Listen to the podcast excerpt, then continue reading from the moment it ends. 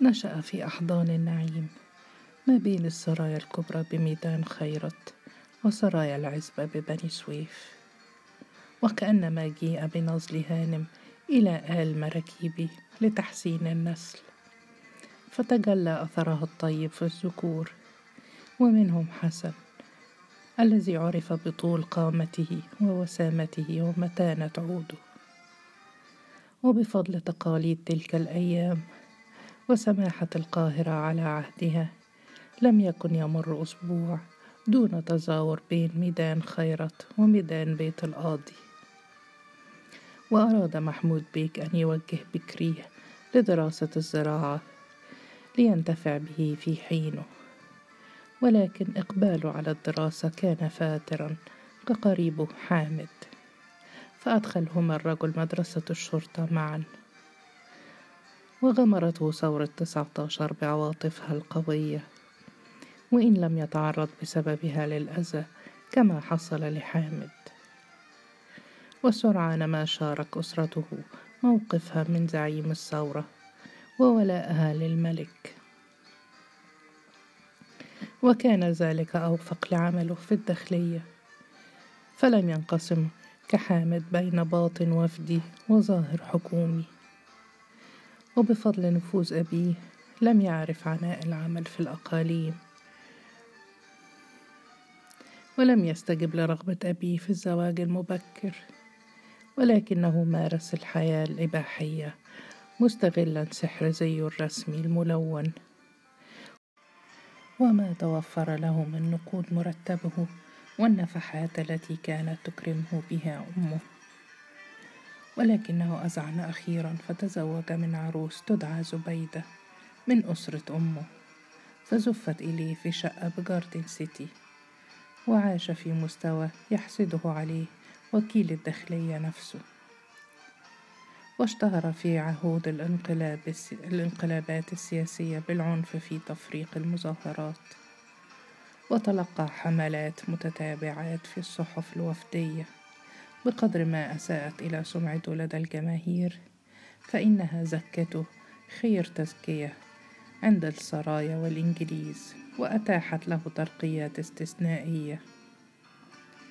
وقال عمرو أفندي لحامد ابنه دخلتما المدرسة في عام واحد وها هو يرقى إلى رتبة اليوزباشي على حين أنك ما زلت ملازما ثانيا. وكان سرور أفندي حاضرا على نفس المائدة فقال بلسانه الحاد خائن وابن مراكيبي. ولكن حامد وحسن كانا صديقين بالإضافة إلى قرابتهما وتوثقت العلاقة أكثر بعد زواج حامد من شكيرة وقد تعرض حسن للموت في عهد صدقي فأصيب مرتين وقضى في المستشفى شهرا كاملا. وكان أعنف إخوته على آل عمه أحمد عندما فرق الخلاف بين الأخوين. بل قد تصادم مع ابن عمه عدنان واعتدى عليه بالضرب في السرايا.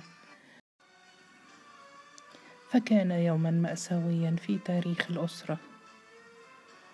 وأنجب حسن ثلاثة من الذكور محمود وشريف وعمر.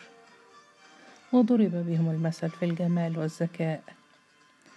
ولما قامت ثورة يوليو كان لواء وكان ثريا ثريا جدا بما ورثه وما ورثته زوجته. ولكن الثورة أحالته على المعاش في حركة تطهير الشرطة. فخرج مع حامد في قائمة واحدة. وكانت علاقته به قد انقطعت بعد طلاق شكيرة. وقال لزبيدة علينا أن نبيع الأرض فقد انقلب الدهر على ملاك الأراضي.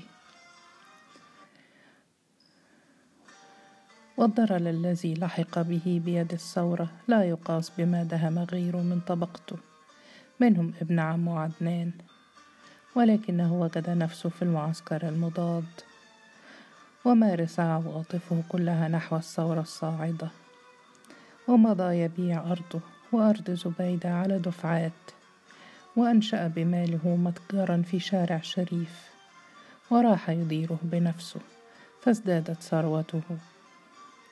أما أبناؤه محمود وشريف وعمر فقد تربوا في مدارس الثورة وتشبعوا بفلسفتها وثملوا ببطولة زعيمها ولم يأسف حسن على ذلك بل وجد فيهم وفي أخويه عبده ونادر حماية له من أعاصير تلك الأيام. ولعل أخويه كان وراء الأسباب الخفية التي جنبت متجره التأميم عام 1961 ولما وقعت كارثة خمسة يونيو كان محمود وشريف وعمر قد تخرجوا أطباء وعملوا في مستشفيات الحكومة. وأدركتهم النكسة التي زلزلت الجيل الناصري فأزرتهم رياح الضياع واليأس. ولذلك ما كاد الزعيم يرحل ويحل محله السادات حتى هاجر محمود وشريف إلى الولايات المتحدة ليبدأ حياة علمية جديدة هناك. أما عمر فقد فاز بعقد عمل في السعودية. ووجد حسن في السادات وسياسته الانفتاحية بغيته وعزاؤه عن كافة هزائمه الماضية فشمر للعمل وللثراء الخيالي وشيد له ولزوجته قصرا في مدينة المهندسين وعاش عيشة الملوك وهو يحلم بعودة أولاده ذات يوم ليرثوا ما جمع لهم من ملايين. وانتهت حياته في الثمانينيات. في حادث عارض. إذ كان يسوق سيارته المرسيدس في شارع الهرم.